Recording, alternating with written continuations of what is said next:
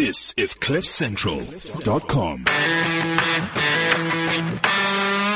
Welkom by die Klipkouers potgooi.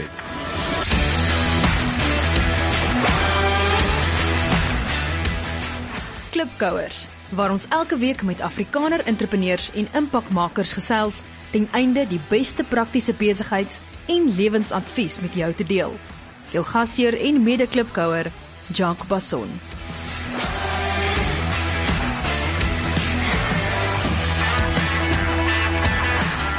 Hallo Klipkouer, Jacques Bassoni so. Ek uh, hoop dit gaan goed met jou. Ek kan nie glo ons sal sal amper halfpad met 2019 nie. Dit is iets verskrikliks hoe hierdie jaar alweer spoed optel, maar uh, altyd seker 'n goeie ding as die tyd vlieg beteken mense is hopelik uh, produktief, uh, nie besig nie. Onthou ek seltyd help nie hardloop vinniger in die verkeerde rigting nie. So val ek dink vir al hierdie gelddingers.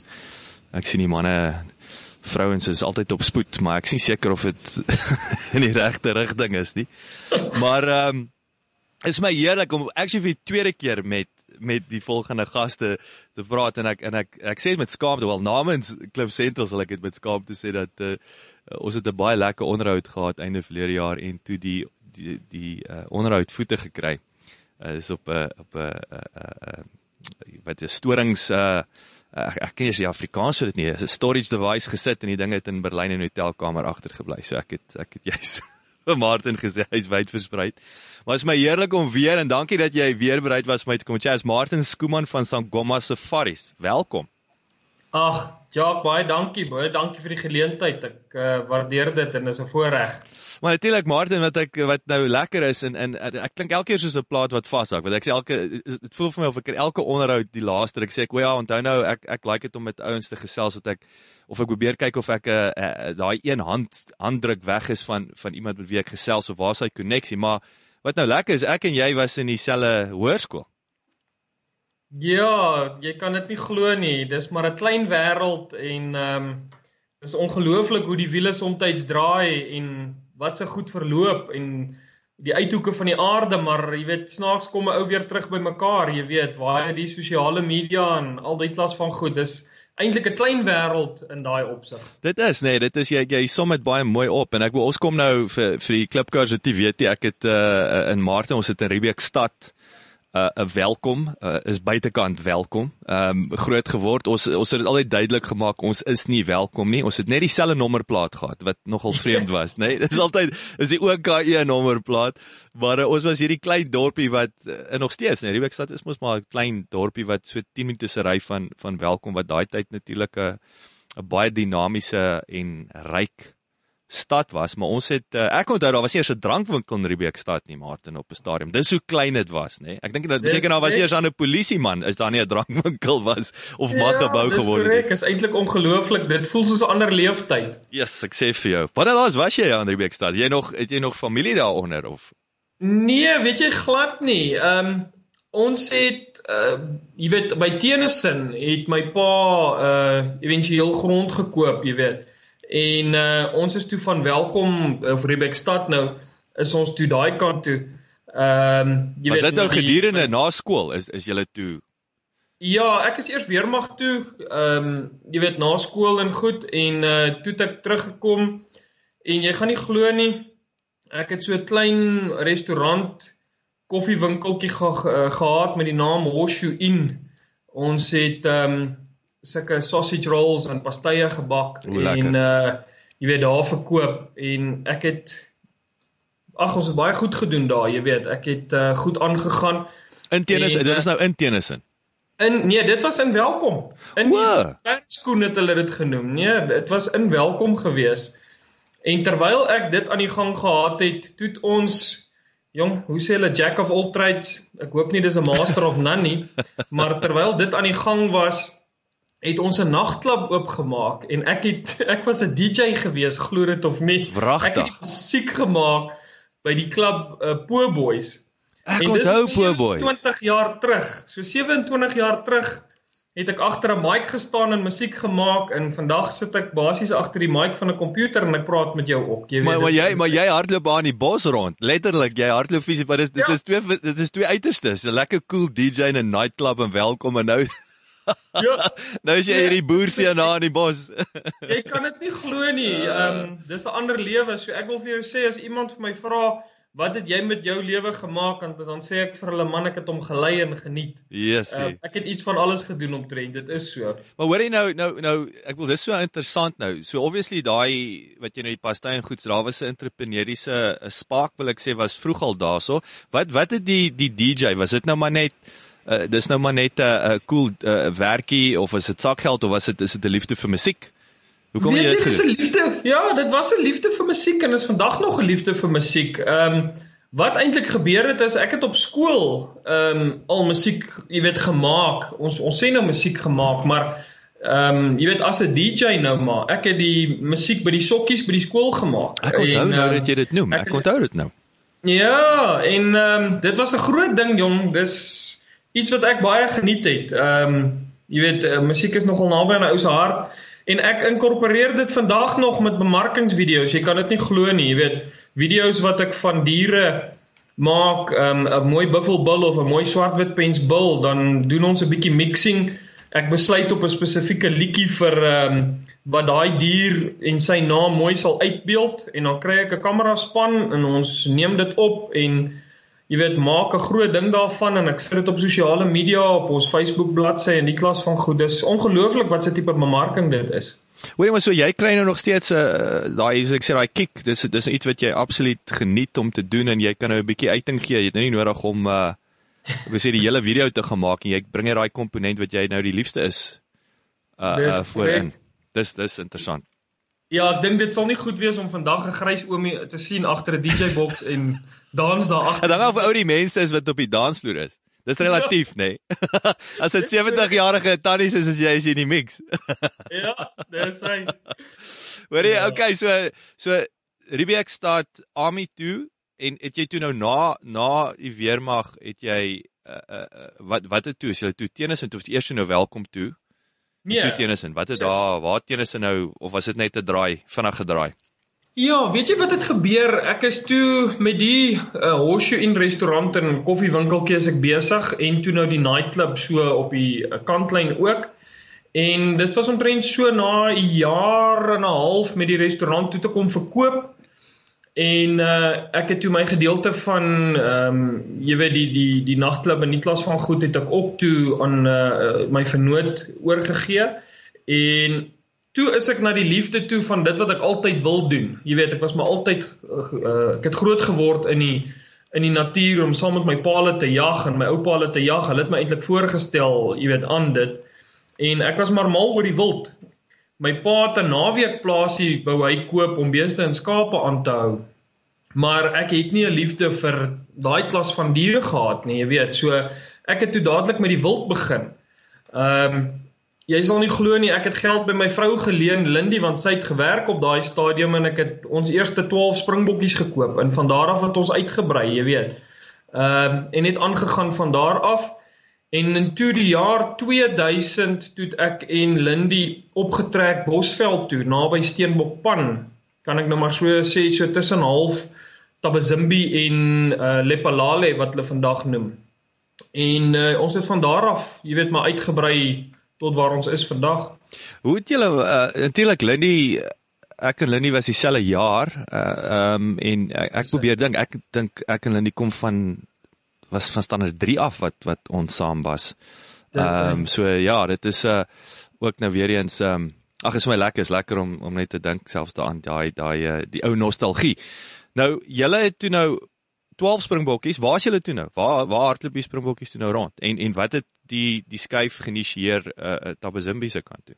Weet jy ehm um, ons het toe in Tennyson het ons die plaas éventueel het ons hom so uitgebrei en soveel spesies opgesit dat ons hom naderhand laat verklaar het as 'n natuurreservaat deur die uh, regering, jy weet, natuurbewaring en alles. Pragtig. Ons het deur die hele proses chalets opgesit daar.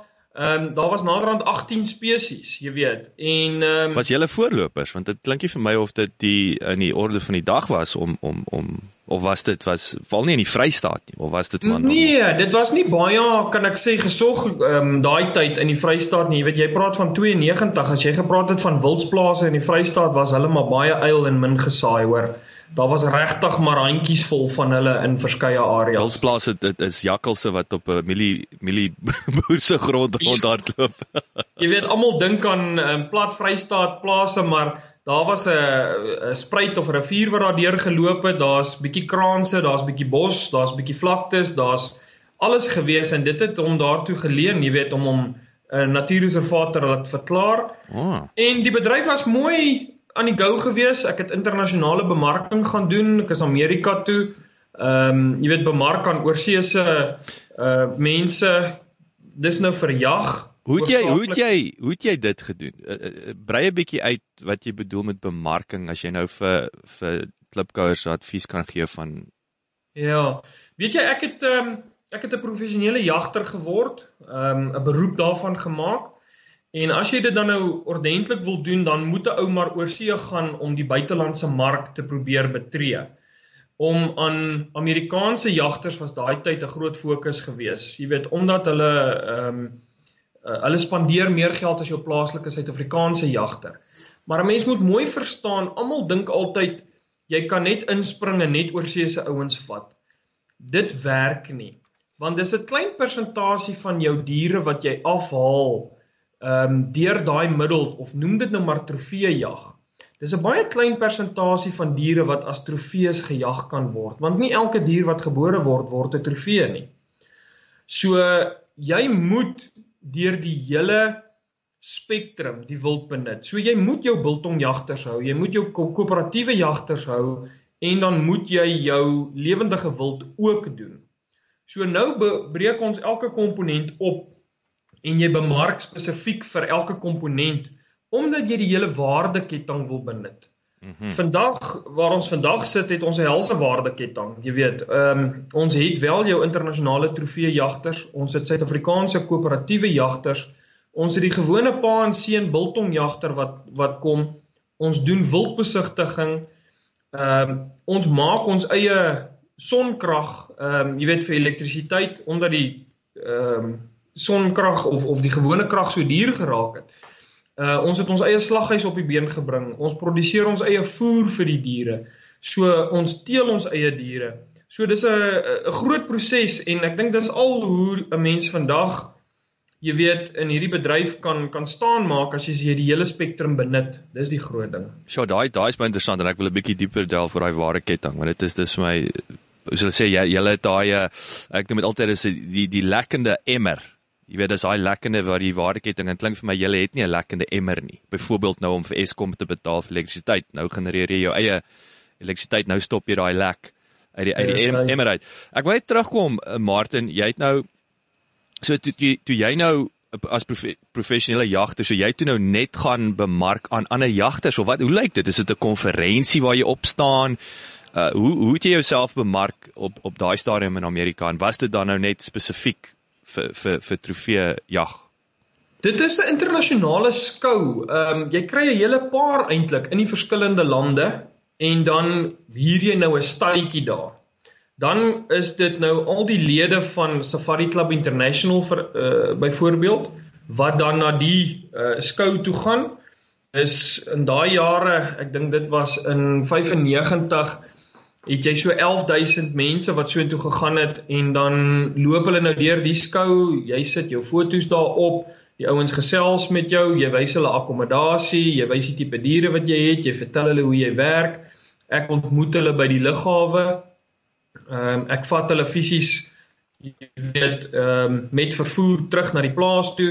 Ek vergesel hulle op die jag, jy weet jy kuier saam met hulle in die aande, jy doen hulle catering, al daai klas van goed en dis maar hoe dit uitgebrei het. Ek is van Amerika af, as ek Engeland toe, ek het um, in Engeland bemark en dit het so goed gegaan met die bemarking dat ek in 2003 jy sal nie glo opgehou het om na die skoue toe te gaan nie. Ek doen vandag glad nie eers meer skoue nie. Dis alles net spreek woordelik die word of mouth wat die kliënte laat terugkom het, jy weet. Ek het geglo dat goeie diens ehm um, 'n ou daar sal kry dat 'n ou nie daai bemarkingskoste naderhand hoef te betaal nie. Vandag bemark ons net op sosiale media op 'n kleinerige skaal, maar dis oor die 97% van ons kliënte is alles kliënte wat terugkom. Dis ongelooflik. Dis ongelooflik. En ehm um, maar nou daai en ons sal nou ons sal nou daarby uitkom want ek wil weet waar jy uh uh daai kan ek sê ons almal weet 'n uh, 'n kliëntediens is is is belangrik. Ek wil weet of jy enige benchmark daar buite gehad het. Was daar 'n best practice waar jy kan sê hier's die standaard of is dit net selfs wat So daai is my eerste vraag, maar ek wil nou teruggaan. Of is daai is vraag 2? Kom ons gaan net wil terug. Jy het nou nou gesê dat alle uh, wild is nie trofee.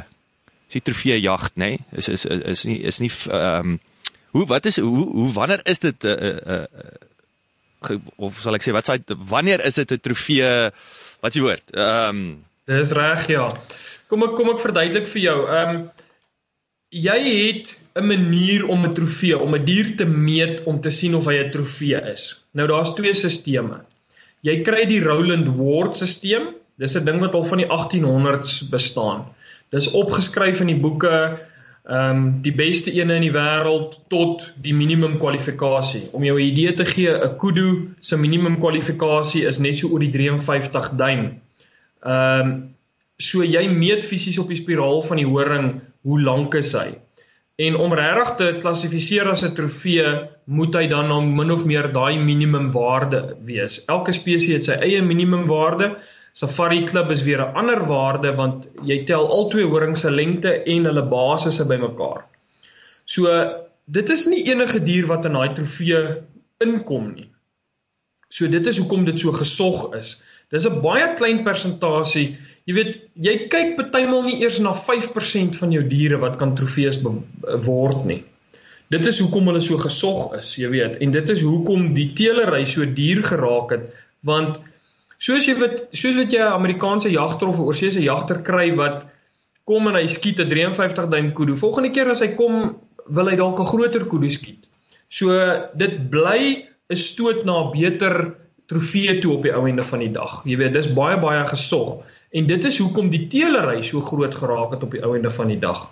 Wat is die prysverskil? Wat is die prysverskil wat wil ek sê daar wat jy nou amptelik hy's trofee en as hy kon sê hy's nou net nie 'n trofee nie. Wat ja, wat s'hy prys wat jy kan vra verskil? Ja, daar is 'n bietjie van 'n van 'n prysverskil. Die ouens is lief om op die duime en die goeters te werk in vandag se tyd en te sê as hy oor Roland Ward is, ek kan jou 'n idee gee die benchmark op die stadium ehm um, vra die ouens vir 'n oorseese kliënt omtrent 2000 dollar ehm um, jy weet vir 'n uh, 'n groterige 'n kudubil wat dan nou trofee sal kwalifiseer as jy aan 'n Suid-Afrikaanse jagter verkoop, ehm um, en hy's dan nou nie 'n trofee nie, gaan jy kyk om en by omtrent noem dit so R10000. Dis daar's 'n baie wye prysverskil van plaas tot plaas afhangende van produksiewaarde, jy weet, in die klas van goed. Maar jy kyk omtrent na 10000 tot 15000 vir plaaslike ouens, jy weet, as hulle dan nou kudu's uh, jag. Dis om jou jy weet 'n idee te gee. So jy praat nou van van 2000 US na 15000 rand. So dit is 'n helse gap. Ja, jy weet jy kyk na so 10 tot 15000 rand vir 'n groterige kudu bil vir 'n Suid-Afrikaanse jagter en na 2000 dollar vir 'n oorseese jagter. Ehm um, maar jy onderskei wel daarom nou tussen trofees en dan die prys van gewone biltongjag is dan natuurlik baie laer as dit. Ehm um, En wat dis, is dit as 'n persentasie? Wat is die brood en botter jaglyne sal ek dit noem. Weet jy die brood en botter, kom ons begin by spesies. Eh, brood en botter sal ek sê, die goed wat die ouens altyd soek is maar 'n rooibok, 'n kudu, 'n vlakvark, 'n springbok. Dis die goed wat die meeste ouens altyd eers wil skiet en daarna dan brei hulle dan nou uit. As jy praat van ehm um, brood en botter in die sin van trofeejag, biltongjag. Ek wil vir jou sê ek verskil met van die ander um, eienaars van die plase wat net op uh trofeejag wil fokus, net omdat ek vir jou sê die probleem is dis so klein persentasie van diere wat trofees word. So ek glo jy moet al twee ehm um, jy weet uh, spektrums benut. Dis net om my is net om my daai omset aan die gang te hou. Ja. Dis korrek. Daai geld moet inkom. Jy, Jy moet nie die Suid-Afrikaanse biltongjagter weggooi nie. Dis 'n verskriklike groot mark. Die mense besef nie hoe groot die mark is nie. Het daai mark en ek wil ek ek vra die vraag, ehm um, dit voel vir my, jy weet, my 14 jaar in die buiteland het ek jy weet ons nou al klaar wat 14 maande terug dat die ouens ehm um, dit voel my ouens jag meer as ooit tevore. Is daar is ja. dit so of is dit nou maar net my verbeelding? Nee, ek sal nie sê ehm um, jy praat nou van in die buiteland, jy weet, is dit Nee nee, ek praat van juis van die van die biltong. Ek die, die bil wat jy nou gesê die mark is so massief. Dit voel vir my elke tweede ou jag in die winter. Ek kan nie dit onthou toe ek hier gebly het en jonger was dat ek so baie mense ja. geken het wat wat gaan jag het in die winter byvoorbeeld. Ek dink dis maar meer kwessie van populasie, jy weet, omdat daar so baie mense is en ehm um, dis dis 'n sport vir party mense, jy weet. Vir party mense is dit uh, 'n uh, stokperdjie. Hm. Ehm um, ek dink dis nogal belangrik om te onthou wat ek wel sien met die internasionale mense wat 'n bietjie negatief is, is ons kliënte is 'n ouer ehm um, 'n ouer generasie kliënt. Ehm um, waar in Suid-Afrika is dit baie pa en seun wat saam saam met mekaar kom, jy weet die die kinders kom saam. So hulle groei in dit in en hulle raak gewoond daaraan en dis 'n aanvaarbare norm mm. want ons maak biltong. Uh, dis bewaring deur benutting. Hmm. Ehm um, waar in die buiteland kry ek weer dat sosiale media is baie baie negatief op jag. Want dis maar misinformasie. Almal dink net Daar's 'n skaarste aan olifante, so hoekom skiet julle die olifante dood? Maar daar's 'n baie goeie voorbeeld om te gebruik met dit, Jacques. Wat mense nie verstaan nie is Kenia het en ek dink dis in 1976-77 het Kenia jag totaal gestop in al hulle oop areas ehm um, en jagkonsessies. Toe het Kenia meer wild gehad en olifante gehad as Zimbabwe. In dieselfde stadium het Zimbabwe begin met internasionale jag ehm um, groot op hulle eh, konsessies en aangrensend aan die nasionale parke. Vandag het Zimbabwe meer olifante en wild as Kenia. Vragtig. Want ja, want as 'n ding nie 'n waarde het nie, gaan niemand hom oppas nie. Dis die groot ding. In 19, ekskuus, in 1870 het hulle op 'n plaas in die distrik Winburg die plaas se naam was Merionsi het hulle 370 blesbokke en baie meer as dit springbokke in een oggend se jag doodgeskiet want die wild het nie 'n waarde gehad nie beeste het 'n waarde gehad so hulle die wild doodgeskiet om plek te maak vir beeste. En dit is waar ons probleem vandag sit. As hulle jag verban gaan daai diere nie 'n waarde hê nie. En as hulle nie 'n waarde het nie, gaan die mense ontslaa raak van hulle. Dit is ons probleem en dit is wat mense moet verstaan. Dit is baie interessant. En en eh, hoe lyk Suid-Afrika? Wat wat is die situasie met ons kommersiële jag? Ek dink ons het 'n ander 'n ander model as van die ander lande omdat jy privaat grond besit het en die mense besit die wild wat hulle toespan en 'n omheiningssertifikaat voorkry. So dit sal baie moeilik wees vir hulle om jag te stop. Ehm um, baie min mense weet dat wildboerdery meer werk verskaf as die mynbou my mynbou sektor in Suid-Afrika. Pragtig. Nou en hoekom maar hoekom hoekom praat jy ons nie meer daaroor nie? Hoekom is dit so jy, geheim? Ek, ek dink die mense is onder 'n groot wanindruk. Ehm um, boerdery kan die ekonomie van Suid-Afrika oornag help herstel. Ek sal nie sê hy kan dit alleen doen nie.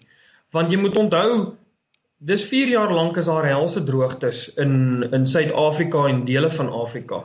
En die eerste ding wat gebeur is die boere skaal af. Met ander woorde, hy moet hy moet staf af lê en al die klas van dinge om kostes te bespaar. Want hy moet voer aankoop.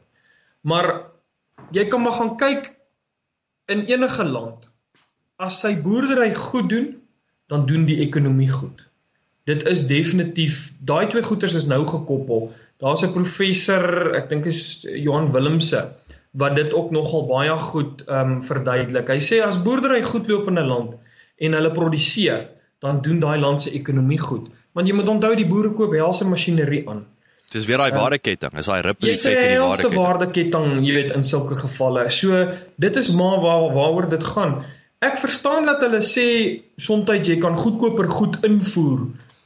En ek verstaan dit, maar ek stem nie altyd saam daarmee nie, want as jy daai goed invoer, dan stop jou plaaslike boere om dit te produseer. Met ander woorde, dan doen jy ook nie werkverskaffing nie. So dis 'n groot waardeketting wat jy het wat jy kan werk verskaf, jy kry werkersvertroue, jy kry sakevertroue. As jy sakevertroue het in 'n land, dan lig die ehm um, die die die jaarlikse groei, die ekonomiese groei met 'n half persent. Sjoe. Net deur sakevertroue te skep. So kom ons ons ek is actually nou 'n goeie aan aan aansluitingspunt. Ons het uh, ek het vroeër vir jou voor ons nou begin opneem het, het ons gepraat oor oor skaars of eksotiese wild, nê. Nee. So daai was verduidelik 'n bietjie vir vir die klipkouers wat wat het daar gebeur? Ek weet daar was 'n bubble. Ehm um, wat het wat het daai? So wat was daai ek wil sê wat was daai bubble werd? Gee ons 'n bietjie 'n bietjie detail waar die ding vandaan gekom, hoe groot was hy? Hoekom het hy gepop? Dit waar was hy nou? Dit was enorm. Kom ek gee jou een of twee voorbeelde. Die duurste buffelbul tot op hede wat verkoop is as 'n teelbuffel, dis nie 'n jagbuffel nie. Was verkoop vir 163 miljoen Suid-Afrikaanse rand. Goeie hemel. So dis baie geld. Die duurste kudubil wat verkoop is as 'n teelkudubil tot op hede is 9.6 miljoen. Swartwit pensbulle wat verkoop is as teelbulle is verkoop vir oor die 10 miljoen. So dit was enorm. Ehm um, swart rooibokke is verkoop vir miljoene. So dit was regtig regtig baie groot. Daar was 'n groot vraag daarvoor want die ouens het gesien hulle kan geld maak, jy weet. Dit is die groot ding. Nou almal praat van die bubbel wat gebars het. Ek het natuurlik 'n ander mening. Ek sê nie dis 'n bubbel nie. Hmm. Want ja, die pryse is af, maar 'n ou moet onthou, ek sê altyd die boere in Suid-Afrika het 'n vreeslike kort geheue. Nou sê hulle die pryse is af, dis die einde van die bedryf, dit gaan nooit weer dieselfde wees nie. Ehm um, almal is doemprofete, maar hulle vergeet in 1992, ekskuus, in in die jaar 2002 was swart rooibok ramme 150 000 rand. Wat baie geld was vir 'n swart rooibok ram en hulle het ook geval na R35000 toe wat 'n enorme val is. So net soos wat jy aandele kry wat op en af gaan, so kry jy die wild se pryse wat ook op en af gaan. Ons het 'n kombinasie van faktore. Eerstens die aanbod het geval, dit het vreeslik droog geraak, die ouens moes voer koop.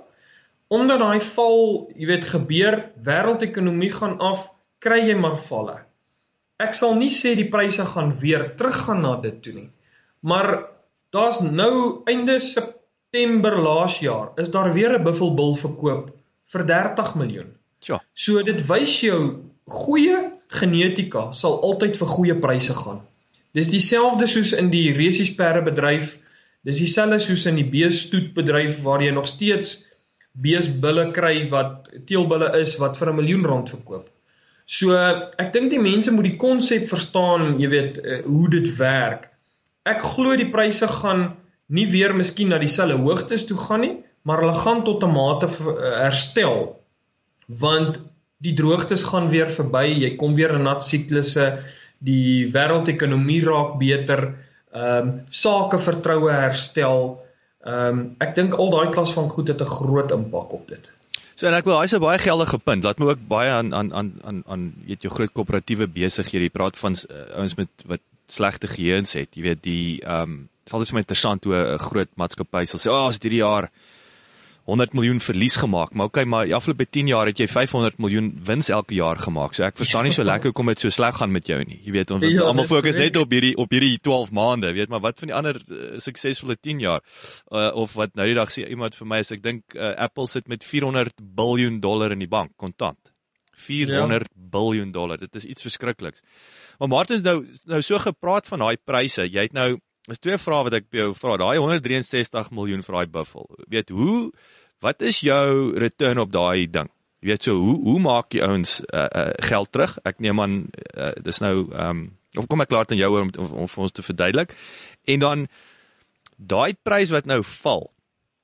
So nou kos dit daai daai nou onlangs nou vir hy het nie vir 163 miljoen maar vir 30 miljoen verkoop. Wat is die wat is die koste om daai bil tot stand te bring en hom te voer en blyplek te gee. So wat is wat is so wat ek amper vir jou wil sê is as ons nou die bil as 'n voorbeeld uh uh um uh kan kan gebruik. Um wat is die laagste wat die prys kan val voor jy nou ernstig dit glad nie meer ekonomiese sin maak om om om om te teel nie. Kom ek gee vir jou 'n voorbeeld. Daar is op die stadium 'n probleem met die swartwit pense se prys wat fenomenaal geval het. Buffels hou 'n goeie waarde, hulle pryse is af, maar hulle hou tog nog steeds 'n goeie waarde. Die swartwit pense het geval omdat hulle een van die probleme was, jy weet, die Suid-Afrikaanse boere, 'n vriend van my het dit baie goed beskryf. Hy sê hulle is sulke goeie teelers. As hulle môre uh kom ons sê 'n wonder natuur uh middel kan kry uit 'n geelslang se gif uit om kanker, jy weet, meer te genees, binne in 2 jaar teel die Suid-Afrikaanse boere 'n oorvloed van van geelslange. Ehm um, so dit is wat ek wil, jy weet, beskryf. Hulle die swartwit pense het ons so goed geteel dat daar amper 'n oorvloed was van hulle. En ons het hulle nie verbruik nie. Ons verbruikersmark het agtergebly. Ons het hulle nie vinnig genoeg gejag nie. So toe kry jy nou dat die pryse begine val En nou is ons probleem op die oomblik, as jy daai swart-wit pens in 'n groterige kamp aanhou, maar jy voer hom byvoeding om hom optimaal te laat groei. Saam met die kere wat jy hom moet speen, jy moet hom obviously pyl en verdoof en na 'n bullekamp toe skuif anders te maak die teelbulle hulle éventueel dood. As jy al daai kostes moet begine in ag neem, jy weet, as hy 4, 5 jaar oud is, kan jy eers daaraan dink om hom te begine jag eintlik. So jy moet hom vir 5 jaar kan dra. Nou daar's nie 'n manier dat jy in 5 jaar hom vir onder R25000 kon produseer op die op die ou manier om hom te voer in jy weet 'n redelike kamp wat nie groot is nie, maar ook nie te klein is nie. Hmm. So dis wat jou probleem was. Nou wat die ouens nou moet doen is, nou moet hulle hulle meer ekstensief groot maak. Met ander woorde, hulle moet die hulle moet hulle nie soveel baie byvoeding kan gee nie. Jy moet hom minder kan kan pyl om te skuif. Ehm um, so jou areas moet groter wees. Die ouens breek die klein kampies af, hulle doen dit meer ekstensief, dan kan hulle dit vir 'n klein bietjie goedkoper produseer. Om die ander punt van die skaal vir jou te wys, kom ons vat Inyala, die buffelbil, dis sy naam, wat die duurste is wat verkoop is. Hy was 163 miljoen rand. Ja. Een van die vennote wat hom gekoop het, het nou sy gedeelte betaal. Kom ons noem dit rolweg 40 miljoen wat hy ingesit het. Hmm.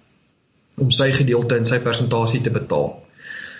6 maande, dit was nie eers 6 maande nadat hy hom gekoop het nie. Toe hou hy 'n veiling en hy verkoop 'n vroulike dier wat dragtig was van daai buffelbil. Die duurste buffelbil wat daar nou verkoop is. Hmm. So daai vroulike dier wat dragtig was van daai duurste buffelbul het verkoop vir oor die 10 miljoen. So hy het 'n kan jy nou maar sê 10 miljoen teruggekry van sy 40 miljoen investment in so 'n kort tydperk.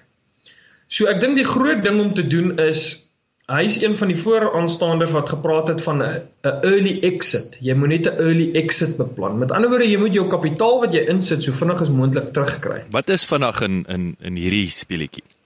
Jong, in ons game vat dit maar lank. Dis 'n dis 'n langtermynproses. Ehm um, maar as jy 'n dier aankoop soos 'n koei en sy word sy was gedek deur 'n groot bil nou. As sy kan kalf en jy kan die vroulike dier weer verkoop want jy het nou daai genetika van daai kalf as hy nou 'n jaar of 2 oud is. Dan het jy die genetika van die goed geteelde goed die fenominale bil wat ehm um, die pa van die kalf is en jy verkoop dan daai koei dan weer. Dan het jy 'n gedeelte van jou geld al terug met ander woorde jy verlaag jou risiko. Ek dink dis dis die beste manier om dit te kan verduidelik jy weet Dis baie interessant. Ek jy het nou-nou genoem wat was die uh, uh ekskuus, wat was die die die spesies wat die prys so geval het? Wat jy gesê het wat hulle wat te veel geteel was, nie genoeg geskiet het. Die swartwit pense. Swartwit ehm, pense. Um, so ja. so my vraag is, hoekom is hulle nie vinnig genoeg geskiet nie? Is dit was dit swak bemarking van die van die industrie af? Weet jy, weer eens dink ek 'n um, kombinasie van faktore. Almal wou teelers wees en niemand wou verbruikers wees nie want die teelers was op daai stadium uh, het die teelers die groot pryse gekry. So ek weet tot van mense wat uh, internasionale kliënte weggewys het op 'n stadium en gesê het, hoorie, maar ons gaan nou ophou jag, ons gaan nou net teel van nou af want hulle het gedink hulle gaan vir vir vir 'n ewigheid teel en produseer en die hoogste pryse kry. En ek was een van die ouens wat vir hulle gesê het, daai is 'n groot fout. Jy kan nie daai been van jou boerdery laat gaan nie, want die pryse gaan val. Die pryse sal weer afkom en hy sal weer opgaan. So dit was 'n probleem gewees. Toe produseer almal, almal het produseerders geword. Selfs met diere wat nie eers ooit van trofee kwaliteit sou word nie. En dit was ons probleem. Ek dink dit het die grootste bydrae gehad So jou jagmark het amper tot 'n mate agter agtergeblewe geraak. Jy weet werklike teeler 'n werklike teelersmark geword, letterlik. Ja, dit het 'n teelersmark geword en hulle het nie soos in hulle in Engels sal sê die consumption daarvan, die verbruik daarvan in ag geneem nie. Hmm. So daar's nou weer 'n regstelling in die mark en nou wil almal jagters wees. Almal wil weer jagters, jy weet, uh hê en lok na hulle plase toe. So nou gaan die diere weer minder word want almal wil hulle nou jag, almal wil verkoop. So dis maar ehm um, die boere se geheue wat nie so goed is nie, jy weet, hulle dink nie daaraan nie. Mooi gestel, jy ja, weet. Hoorie, Martin, maar jy jy's natuurlik, jy weet, jy was teeler van die jaar uh uh 2018. Uh, ek bedoel dit is 'n dit is 'n uh, 'n big deal. Um wat so vertel ons 'n bietjie meer van daai hele proses. Hoe hoe wen jy Game Breeder of the Year nommer 1?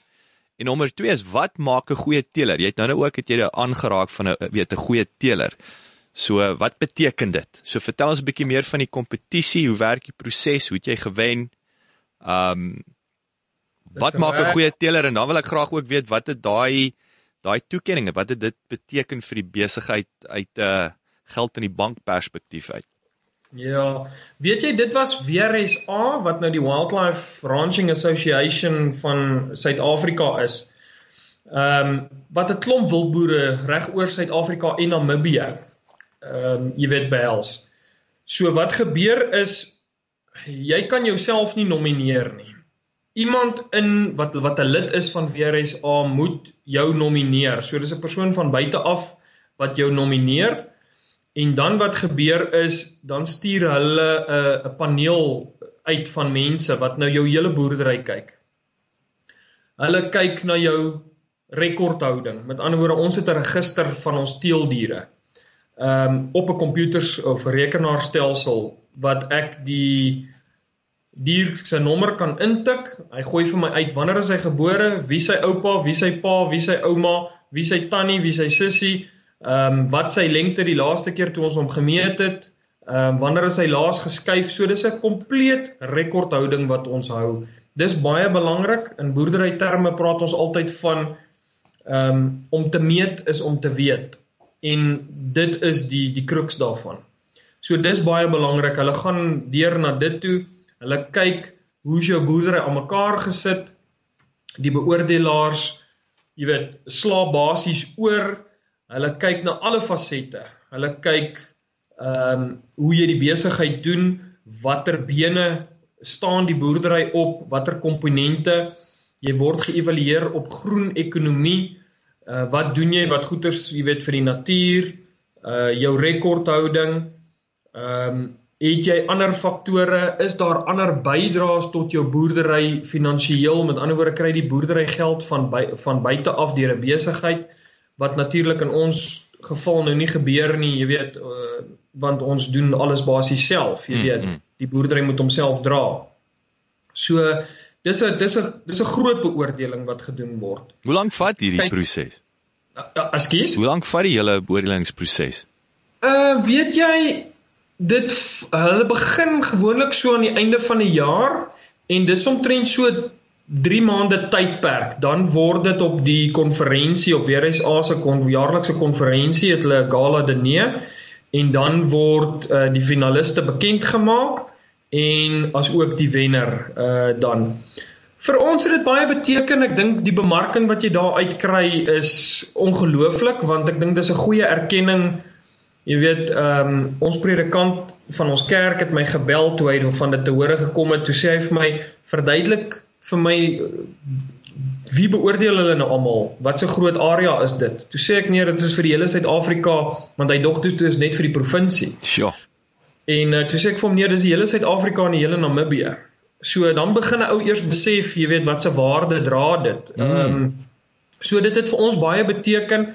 Ek dink mense kan met vertroue dan besef hulle kan diere by jou koop want jy is gemeet aan iets, jy weet, ja, en ja. hulle kan 'n kwaliteit dier verwag.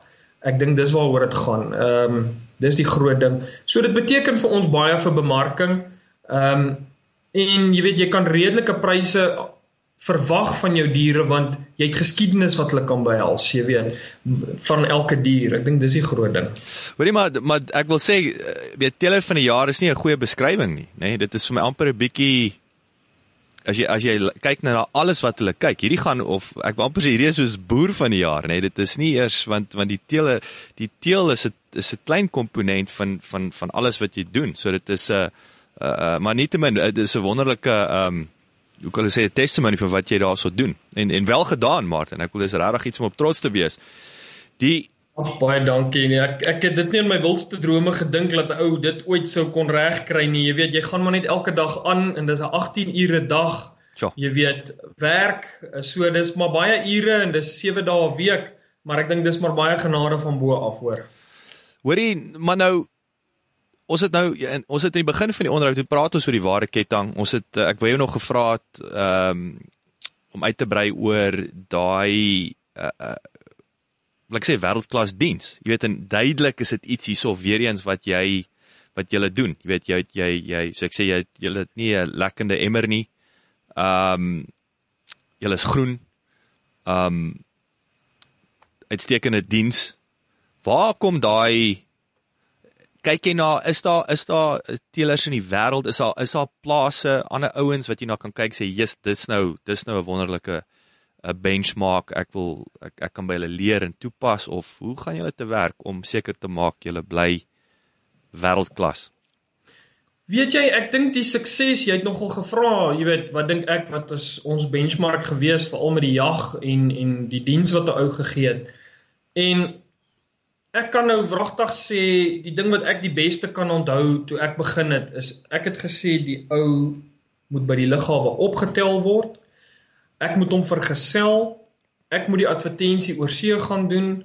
Jy moet absoluut jou persoonlike tyd aan hom gee. En ek dink dit was vir ons 'n groot sukses gewees en dit het ons baie gehelp nommer 1.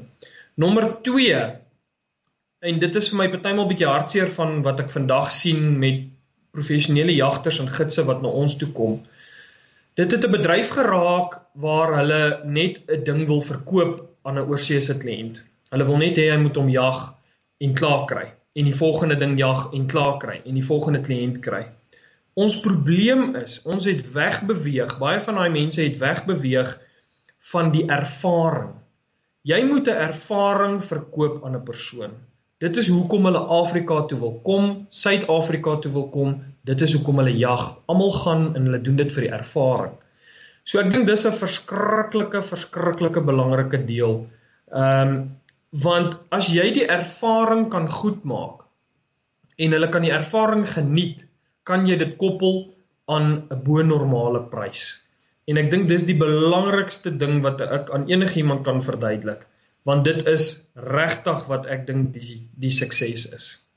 Waar waar weer as jy vir ouens daar buite advies kan gee wat wat nie noodwendig in in in in eh, jy weet jou bedryf is nie. Hoe gaan jy te werk om daai premie te bepaal?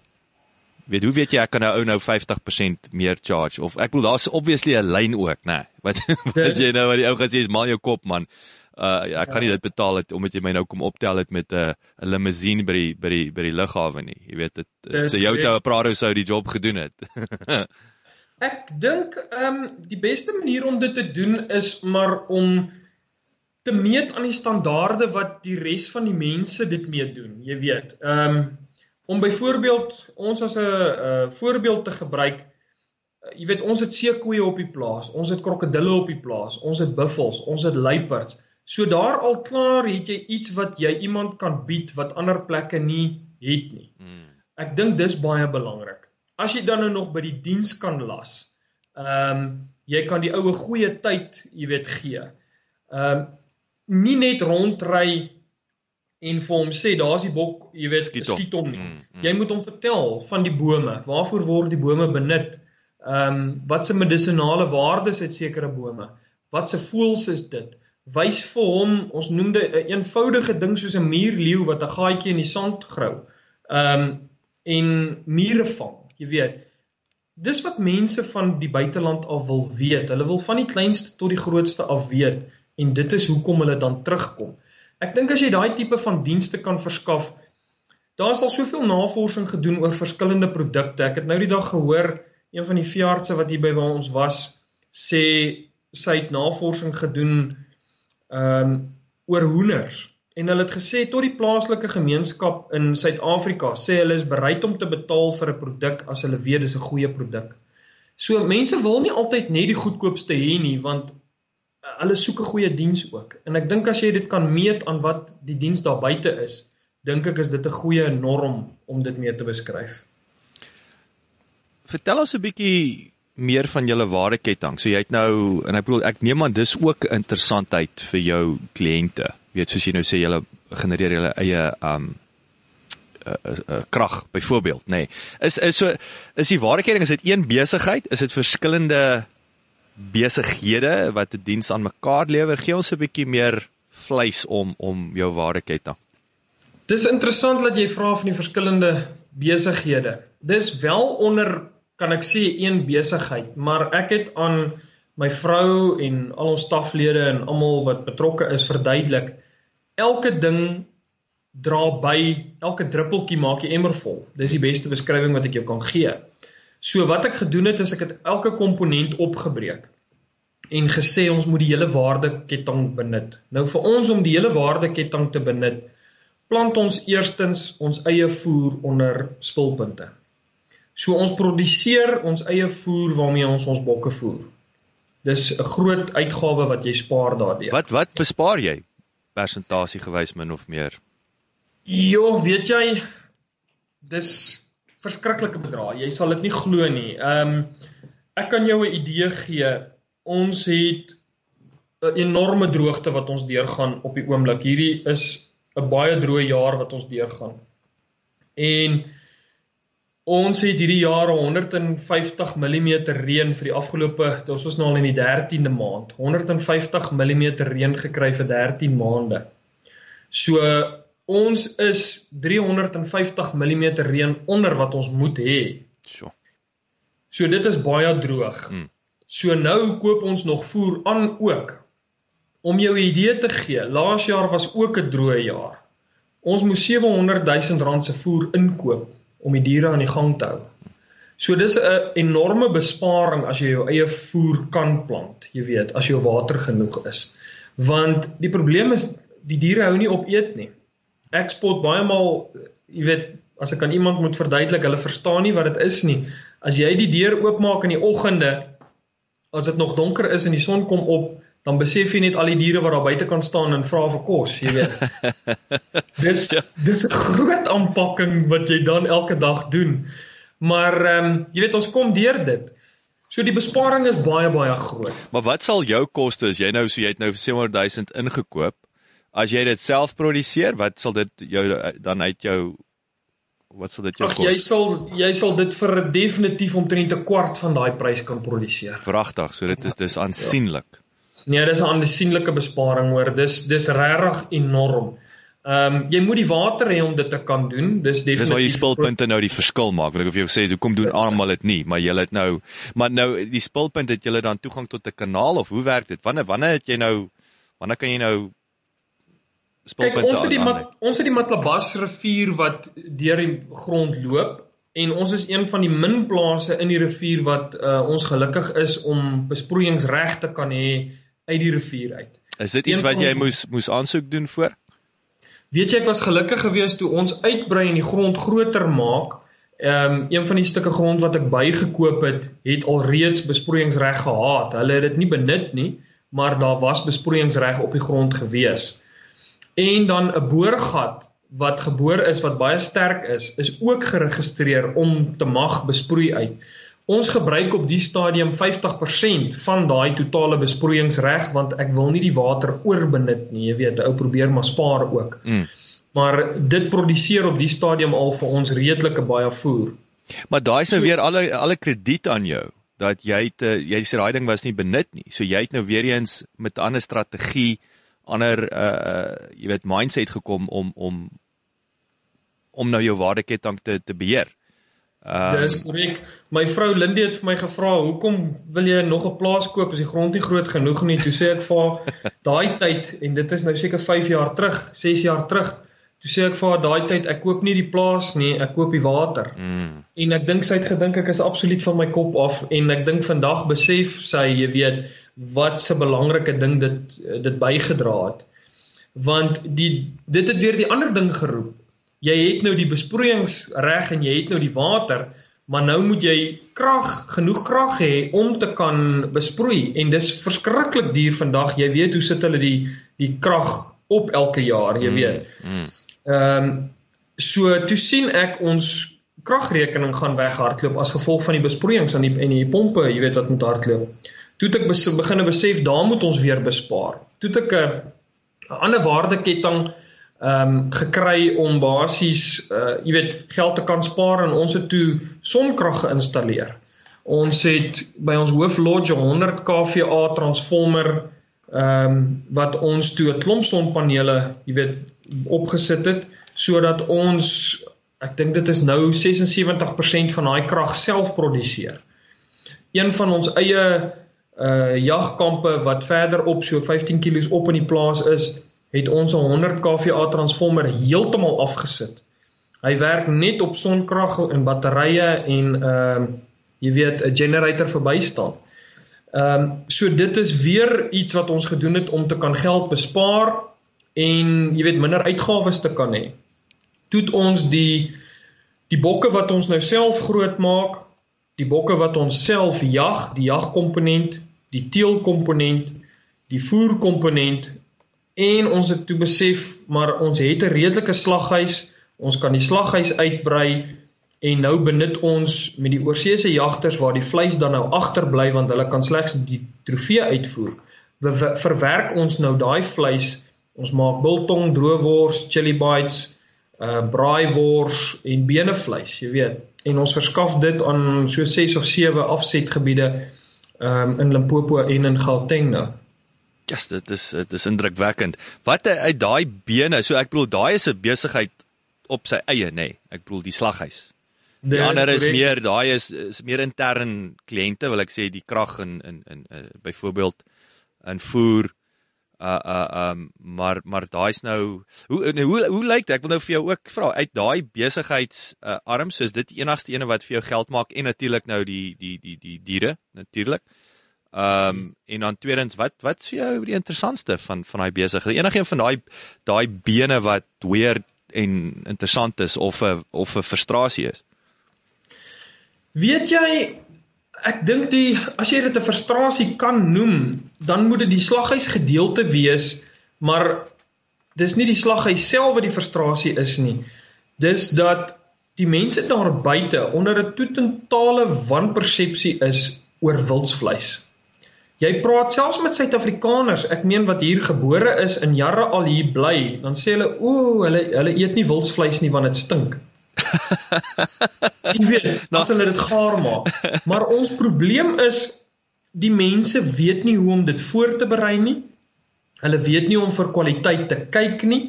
So ek dink dit is nogal baie belangrik. Weet jy, ons maak vir mense ehm um, ek noem dit nou maar 'n gewone steak, 'n wildebeest steak, 'n eland steak, maak ons vir hulle gaar, dan vra die mense vir ons wat eet ons vanaand want jy weet hulle hulle hulle wil die verskillende goed proe. En as ek vir hulle sê dis eland steak of wildebeest steak, dan wil hulle my om lewe en dood nie glo nie. Laat ek met hulle normale dink is 'n normale beest steak. Ja, hulle dink dit is beest steak. So dis absolute wanpersepsie oor oor wildsvleis En weet jy, dit is baie gesonder as van die ander vleise. Dis bewys deur navorsing. Daar's nie groeihormone in nie, daar's nie antibiotikas in nie. Dis organies, nê, nee, dit kan dit is dit is organiese produk. Mm. Dit is 'n baie gesonde produk. Wat is jy het nou 'n interessante ding wat jy nou gepraat het ook die jagters, internasionale jagters wat nou net trofee huis toe vat. Is daar nie uh, waar is Suid-Afrika op hierdie stadium om daai wildsvleis in 'n weet in 'n Amerikaanse supermark in te kry byvoorbeeld? Weet jy, dis 'n groot proses. Ehm um, hulle is al jare besig met die proses. Ons probleem is die Europese Unie standaarde is redelik hoog. Dit is nie die probleem nie. Ons kan daaraan voldoen. Maar die probleem kom in dis nie soos beeste wat jy gou op 'n trok laai en jy kan ry met hulle slagpale toe en daar slag hulle hulle hulle klim mooi af nie want die diere sal besurk raak in 'n slagpale as jy hulle daar moet hê. So jy moet dit op 'n ander manier oes en inbring. So daar is prosesse wat nou aan die gang is. WRSA werk redelik hard daaraan. Ehm um, ons gaan binnekort op die rakke van Woolworths, daar daar hulle is besig daarmee, gaan daar ook uh byvoorbeeld wildsvleis beskikbaar wees. En ek dink as hulle net eers daai proses deur is, dan gaan mense se oë begine verander want weet jy dis 'n kwaliteitproduk. Die mense sal dit definitief sien en en verstaan as hulle dit so benut. Dis baie opwindend. Wat eh, het julle min of meer 'n idee wat uh, as as die supermark wêreld oopgaan, uh, wat dit weer eens op baie bottom line gaan doen, uh, inkomste gewys. Het julle enige idees of 'n manier om te gauge wat die grootte van die van die supermark mark sal wees vir julle? Weet jy, ek dink die belangrike ding is die voorligting wat ge moet gebeur alvorens uh, en dit is hulle mee besig in elk geval. Ehm um, wat moet gebeur vir die die huisvrou wat dit moet gaar maak. Ehm um, as hulle net eers weet hoe om dit te doen, ehm um, want almal dink altyd net selfs Suid-Afrikaanse mense dink jy maak 'n stew daarvan en klaar. En dat jy nou nie die dat jy nou nie die wildsvleis proe nie. Is dit Ja, dat jy nie wildsvleis proe nie. Ja, jy weet hulle gooi allerlei goed by en ons sit minimale goed by as ons daai steaks gaar maak. Ons sit dit nie eers in 'n uh, jy weet 'n groot marinade nie. Ehm um, dis basies 'n bietjie suurlemoensap, uh, sweet chili, ehm um, sout en peper en hey, olyfolie. Dis al. En jy meng dit en jy ehm um, marineer dit oornag of ehm um, jy vacuum pack dit en dan maak jy dit gaar dis watertand lekker, ek beloof dit vir jou. So dis maar ek dit dit Ekskuus. Dit gaan vreeslik groot word. Ehm um, en ek dink dit gaan 'n totale nuwe been oopmaak vir baie van die boere. Want in droogte tye is daar maar 'n probleem dat die wildspryse geneig is om te val. Jy weet, ek sien nou vir vir 'n voorbeeld hulle verkoop al lewendige blouwille beeste ehm um, wat gevang is wat jy nou kan aankoop om af te laai op jou plaas vir R2600. Weet jy? Sjoe. Dis verskriklik. Jy kan nie daai diere produseer eintlik vir daai vir daai geld nie. En dit is wat die probleem is. As jy daai blouwille bees bil moet verwerk in die slaghuis, kan jy vir R67 'n kilogram daai wille bees verkoop en dan kan jy jy weet 'n redelike prys daarvoor inkry en dis nog steeds goedkoper as skaap en bees. Dis baie interessant. So net interessantheids om dalwe 67 rand per kilo. So hoeveel kilo sny jy uit so willebees uit? 'n Groot willebees bil, ehm um, ek het nou die dag 'n blokproef weer gedoen, het ons 116 kg ehm um, wat uitgeslag is. Jy weet, kop af, vel af, ehm um, alles af. Ons het 6 kg afval vleis uitgesny, jy weet, as jy nou kliere en al daai klas van goed vat, so jy het 110 kg uitgehaal. Uit daai karkas uit, uit die 110 kg uit het ons 26 kg ehm um, worsvleis gemaak. Ons het 17 kg biltong uitgesny. Ons het 9 kg chili bites vleis uitgesny en ons het 58 kg bene vleis opgesny. En as jy daai nou alles saamsit, wat is daai wat is daai randwaarde? Het weet jy? Ek het toe ek het toe basies nou die biltong gedroog van 26 kg ehm um, of of die worsvleis, jammer. 26 kg nat vleis, het ek 6 kg vet bygesit. Ehm um, ons het 32 kg uitgehaat en nadat dit gedroog is, was daar 15 kg gewig oor. Ons het 8 kg uh, biltong oorgehad en ons het 3.7 kg chili bites oorgehad. As jy die die droë produkte verkoop het en die bene vleis verkoop het, het ons basies omtrent 7.500 rand vir die willebees gekry. Ongelooflik, soos 3 keer meer as wat daai ou wat dit nou verkoop. Lewendig verkoop. Yes, like it. Dis dis dis ongelooflik. En natuurlik die die wonderlike ding, Martin is julle skep werk, né? Nee? Ek bedoel, kom ons weer ons moet na die waardeketting. Is nie net daai daai winsgewendheid nie. Dit is dit is die hande arbeid en alles wat daarmee gepaard gaan wat wat baie positief is. Ja, weet jy, ek dis hoekom ek sê ek is seker die een van die mees positiefste mense wat daar is. Ek sê altyd as die mense vra as die glas half vol of half leeg, dan sê ek nee, hy loop oor. Ehm um, 'n ou moet positief wees. By die WRSA konferensie het ons Theo Foster, die ekonom, het 'n praatjie gelewer. Toe sê hy almal praat altyd van doom and gloom in Suid-Afrika en dinge is so sleg en dinge is so negatief en hoe gaan ons ooit by die ekonomiese groei uitkom van 6%? En toe verduidelik hy daar, dis wat ek van gehou het, dis die eerste persoon wat gesê het maar hier's een van die maniere om dit uit dit uit te kom. Toe sê hy as jy sake vertroue alleen kan net lig as mense positief is oor die sakebedrywe. Lig jy daai groei met 'n half persent. So dis waaroor dit gaan. Ek dink 'n ou moet positief wees en 'n ou moet altyd na nuwe geleenthede soek en jy moet skouer in die wiel sit. Niks gaan gebeur as jy dit nie laat gebeur nie. Ja. Ek, ek dink dis dis die belangrike ding. Baie goeie advies. Um Martin Skuman van Gomma Safaris is 'n uh, is 'n wonderlike voorreg om met jou te kon gesels het en en regtig wel gedaan. Ek bedoel jy het 'n indrukwekkende besigheid. Um en um is regtig interessant. Ek kan nog lank met jou gesels. Die ja, uh, sê vir my hoe lyk uh, het jy idee van hierdie jaar? Is is is uh, dink jy daar's 'n kans of is dit nou 'n verrassing?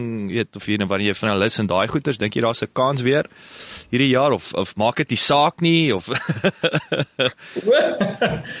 weet jy hulle het ehm um, vir hierdie jaar het hulle klaar weer gekies. Ehm um, George Potgieter het wildboer van die jaar gewen en Andri Gerrit het ehm um, teeler van die jaar gewen, hy's van van Seil ehm um, dreier van Seil boerdery af daar onder in die Noord-Kaap en ehm um, hulle is baie goeie en waardige mense, jy weet wat dit gewen het en ek dink George is 'n baie goeie voorbeeld vir die boerdery. Hy benut 'n goeie waardeketting ehm um, en hy dra baie by tot die bedryf, jy weet. Ehm um, ek dink hulle is wonderlike mense en ek wens hulle alles alle sterkte toe. Wel ons hou vir jou duim vas aan vir vir 2020.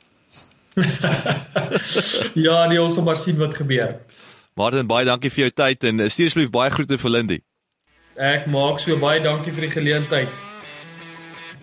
Baie dankie dat jy geluister het. Vir 'n opsomming en notas van die episode, gaan asseblief na ons webwerf www.klipkouers.com en teken sommer in terwyl jy daar is, dan kan ons jou gereeld op hoogte hou. Baie dankie.